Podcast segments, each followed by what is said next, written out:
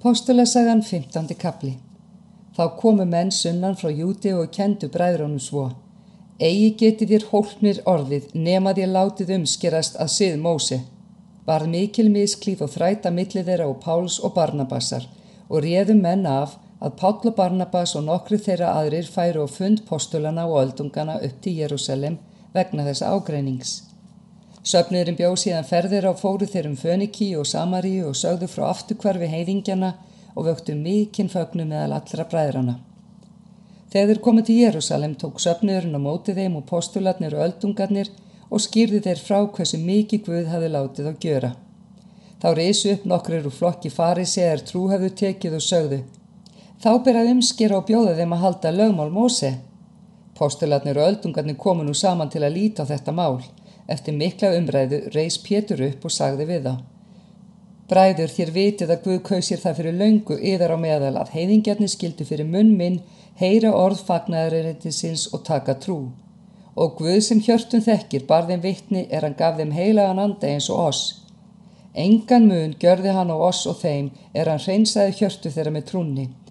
Hví freysti þér nú Guðs með því að leggja oka háls lærisveinana er hvorki feður voru nýja vér megnuðum að bera.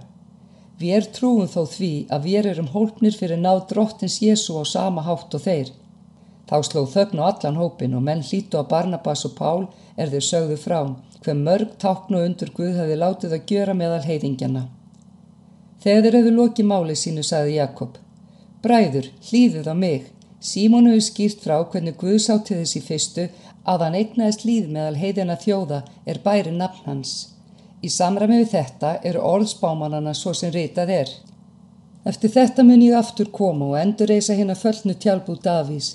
Ég mun reysa hana á rústum og gera hana upp aftur, svo að mennitin sem eftir eru leiti drottins.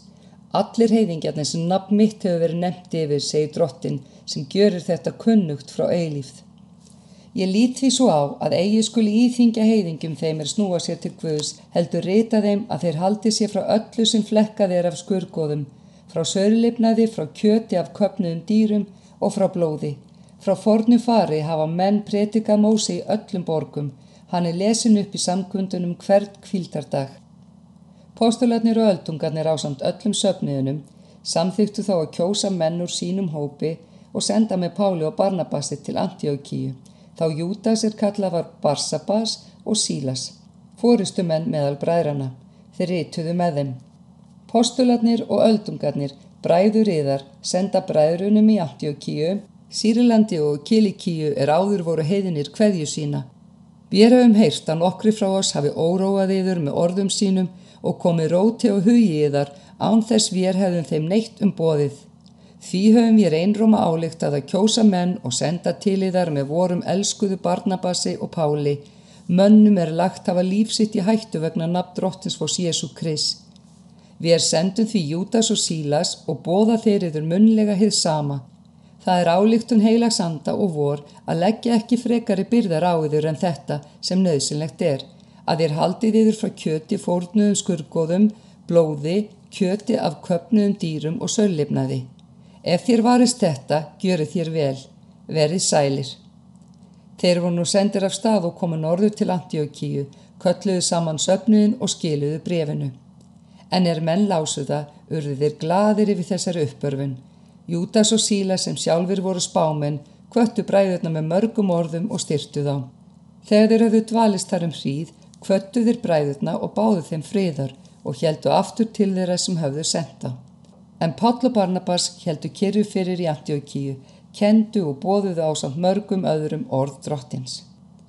Eftir nokkra daga sagði Páll við Barnabas, Förum nú aftur og vitjum bræðrana í hverri borg þar sem við höfum bóðað orð drottins og sjáum hvað þeim líður.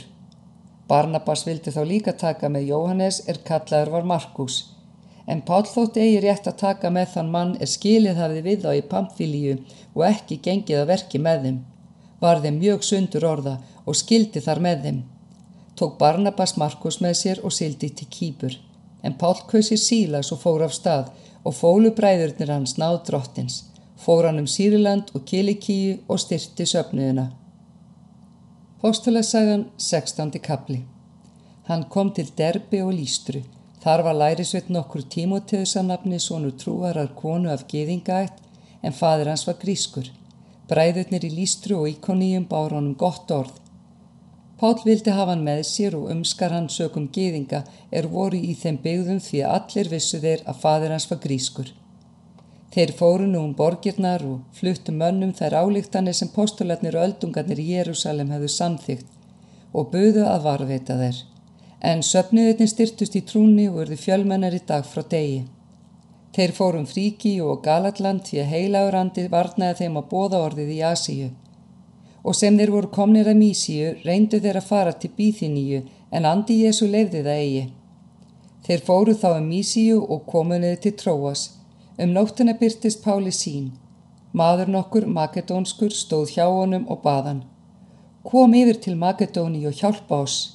En jafnskjótt hann hafi séð þessa sín, leituðum við færis að koma til Makedóniu þar sem við skildum að Guð hafi kallað oss til þess að flytja þeim fagnaðarerindið.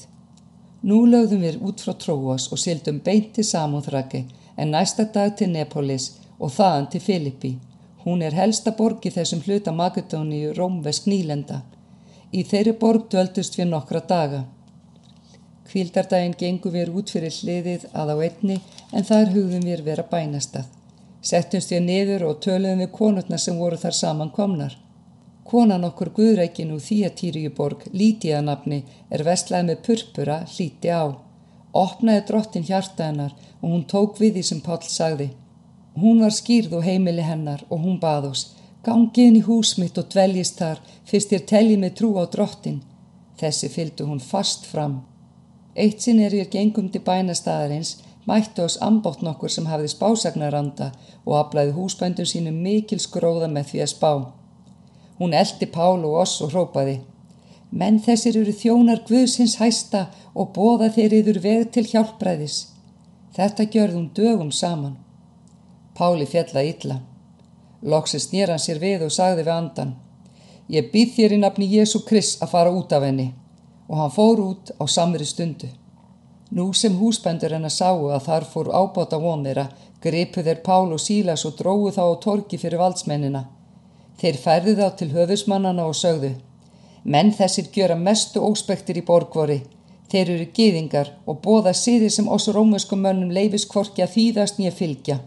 Múurinn réðist og gegn þeim og höfusmenninni letu flettað á klæðum og skipuð að hústrykja þá og er þeir höfðu lostið á mörg högg, vörpuðu þeirrim í fangilsi og buðu fangaverðunum að gæta þeirra vandlega. Þegar hann hafi fengist líka skipun, varpaðan þeim í innsta fangilsið og feldi stokka fætur þeim. Um miðnetti báðust þér Páll og Sílas fyrir og lofsungu guði en bandingjarnir hlustuðu á þá. Þá var skindilega landskjáfti mikil svo að grunnur fangilsisins riðaði. Japskjótt opnuðust allar dyr og fjötratnir fjallu af öllum. Fangavörðurinn vaknaði við og er hann sá fangilsistyrnar opnar, dró hann sverð sitt og vildi fyrirfara sér, þar hann hugði fangana flúna. Þá kallaði Páll hári raustu. Gjör þú sjálfum þér ekkert megin, við erum hér allir. En hann baðum ljós, stökkinn og fjall óttaslegin til fóta Páli og Sílasi. Síðan leitaði hann þá út og sagði, herra mínir, hvað á ég að gera til að verða hólpin? En þeir sögðu, trú þú á drottin Jésús og þú munt verða hólpin og heimilið þitt. Og þeir fluttu honum orð drottins og öllum á heimilans. Á þessari sömu næturstund tók hann þá með sér og laugaði meðsliðir eftir höggin og var hann þegar skýrður og allt hans fólk. Síðan fóra með á upp til húsins, barði mat og var hann og allt heimafólkið hans fagnandi yfir því að hafa tekið trú og guð. Þegar dagur rann, sendu höfusmönninni vandsveina og sögðu Látu menn þessa lausa. Fangavörðurinn flutti Páli þessi orð. Höfusmönninni hafa sendt bóðum að þið skuli látni lausir, gangið nú út og farið í friði. En Pál sagði við það Þeir hafa ofinberilega látið hústríki okkur, romveska menn, án dóms og laga og varpa í fangilsi og nú ætla þeir leinilega að hleypa okkur út, ég held nú síður, þeir skulu koma sjálfur og leið okkur út. Vandsveinarni fluttu höfusmönnunum þessi orð en þeir eru hrættir er þeir heyrðu að þeir veru rómveskir og komu og friðmældust við þá, leittu þá út og báðu þá að fara burt úr borginni. Þegar þeir voru komnir út úr fangilsinu fóru þeir heim til Líti og fundu bræðurnar og hugreistu þá, síðan heldu þeir af stað. Póstulasagan 17. kapli Þeir fóru nú um Amfipólis og Apolloníu og komu til Thessalóníku.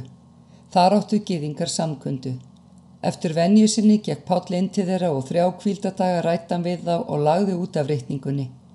Lauk þeim upp fyrir þeim og setti þeim fyrir sjónir að Kristur átti að líða og rýsaði frá döðum. Hann sagði, Jésús sem ég bóða ykkur, hann er Kristur. Nokkru þeirra létu sannfærast og gengur til fylgis við Pál og Sílas, auk þess mikill fjöldi guðrækina grikja og mikil sáttar konur eigi allfáar. En geðingar fyltust afbríði og fengu með sér götuskrýl, æstu til uppþóta og hleyftu borgin í uppná. Þustu þeirra húsi Jasónar og vildu færa þá fyrir líðin. En þegar þeir fundu þá ekki, dróð þeir Jasón og nokkra bræður fyrir borgastjórana og hrópuðu. Mennitni sem komið hafa allir heimsbyðin í uppnám, þeir eru nú komnir hingað og Jasón hefur tekið á mótið þeim.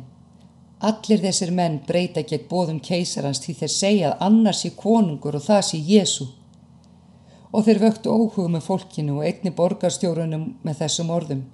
Sleftiður ekki þeim Jasóni fyrir en þeir höfðu látið þá setja tryggingu. En bræðurni senduð á Pál og Sílas þegar um nóttina til Beróju Þegar þeir komuð ángað gengu þeir inn í samkundu hús geðinga. Þeir voru veglindari þar en í Þessalóníku. Þeir tóku við orðinu með allri góðfissi og rannsökuðu daglega reytningarna hvort þessu væri þannig farið. Margir þeirra tóku trú og einni gríkir ekki allfáir, tegnar konur og karlar. En er geðingar í Þessalóníku fréttu að pátleði einni bóðað orðguðs í Beróju komu þeir og hleyftu líka ólgu og æsingu í múgin þar. Þá sendu bræðurnir jafnskjótt með Páli af stað til sjávar, en Sílas og Tímoteus urðu eftir. Leðsögumenn Páls fylgd honum allt til aðeinu og snýru aftur með bóti Sílasar og Tímoteusar að koma heið bráðasta til hans. Meðan Pál beðir að aðeinu var honum mikil skaprun að sjá að borgin var full af skurðgóðum. Hann rætti þá í samkundinu við geðinga og guðregna menn og hver dag á torkinu við þá sem urðu á vegi hans en nokkrir heimsbyggingar, epikúringar og stóumenn áttu í orðakasti við hann, sögðu sömur. Hvað mun skraffinu sá hafað flytja? Aðrir sögðu, hann verið spóða ókenda guði því að hann flutti fagnæðaririndið um Jésu og upprisuna.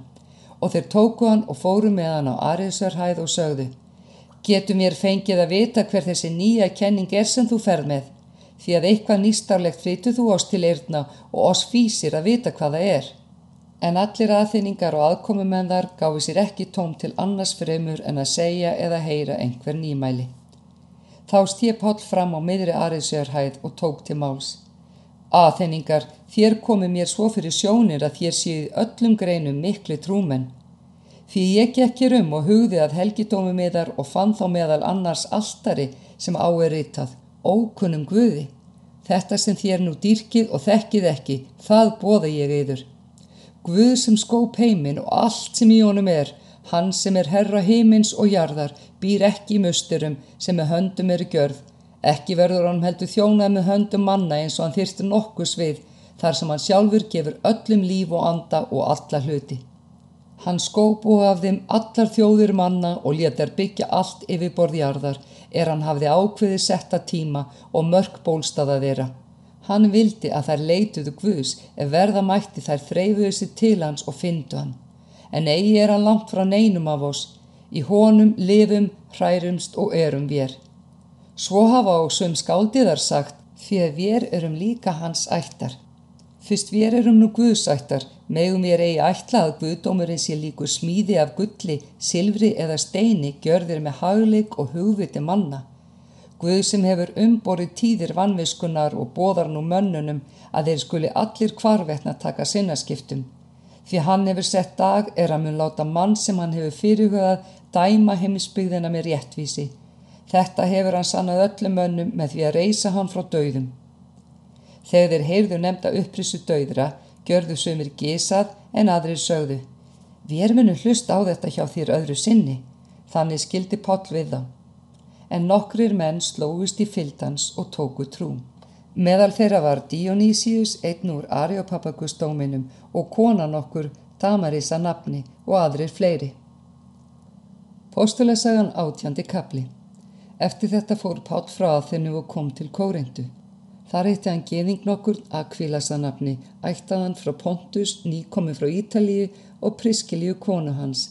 En Klátíus aði skipa svo fyrir að allir geðingar skildu fara burt úr Róm. Páll fór til þeirra og af því hann stundaði sömu yðju settist hann að hjá þeim og vann með þeim. Þeir voru tjálgjörðar menn að yðin. Hann rætti við menn í samkunduhúsinu hvert kvíldadag og reyndi að sannfæra bæði geðinga og greikki. Þegar Sílas og Tímoteus komu norðan frá Makedóníu gaf Pál sig allan að bóðum orðsins og vitnaði fyrir geðingum að Jésús væri Kristur. En er þau stóði í gegn og lasmeltu, hristi hann dustið af klæðum sínum og sagði við þá. Blóð yðar komi yfir höfuð yðar, ekki er mér um að kenna, upp frá þessu fer ég til heiðingjana. Og hann fór þaðan og kom í hús mannsnokkurs er hér Títus Jústus og dýrkaði Guð. Hús hans var hjá samkunduhúsinu. Krispus samkundustjóri tók trú á drottin og allt heimili hans og margir kórindumenn sem álítu tóku trú og letu skýrast. En drottin sagði Pálum nótt í sín. Óttast þú eigi, heldur tala þú og þagna ekki, ég er með þér. Engin skal ráðast að þér og vinna þér megin því að ég á margt fólk í þessari borg. Hann var þar um kyrt í þrjú misseri og kendi þeim Guðs orð. En þegar Galíleon var landstjóri Akkuðu bundu skýðingar samtökum gegn Páli, dróan fyrir domstólinn og sögðu Maður þessi tælir menn til að dýrka Guð gagstætt lögmálinu. Pál bjóks til að svara og þá sagði Galjón við gýðingana Væri hér um einhver lögbrót eða yllvirkja ræða, bæri mér að sinna eður gýðingar. En fyrst það eru þrætur um orð og nöfn og lögmáliðar, þá ráði sjálfur fram úr því, dómar í þeim sökum vil ég ekki vera. Og hann rakða burt frá domstólnum. Þá tóku þeir allir Sósþenes samkundustjóra og fóru að berja hann fyrir framann domstólinn og let Galjón sig það engu skipta. Pátt var þar ennum kyrt allmarga daga, kvatti síðan bræðurnar og sildi til Sýrlands og með honum Priskila og Akvilas.